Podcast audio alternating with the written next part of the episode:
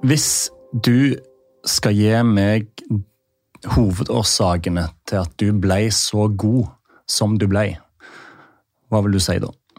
Mm, mental styrke og vilje.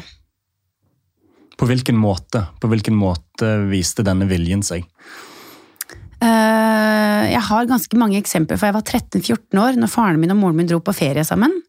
Eh, jeg var hjemme med, med bestemor. Og det var på sommeren i Drøbak, alle dro på stranda. eh, Men jeg skulle trene på Seiersten. Jeg skulle løpe ti ganger 200 meter og ta pausen selv før jeg kunne dra ned på stranda. Og det var null problem å gjennomføre det for min del. Alene. Oi. Og den mentale styrken, da? Hvordan viste den seg? Eh, Jeg, tak jeg taklet nedturene mine veldig godt, syns jeg. Eh, og det gjorde jeg egentlig ganske fra tidlig alder. Kanskje litt for godt til tider. ja. Hva er en vinner for deg?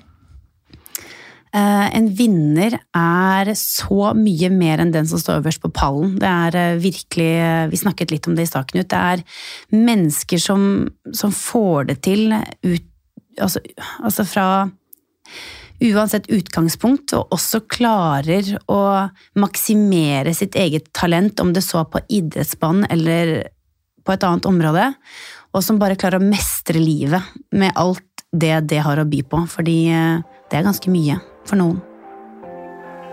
Tusen takk.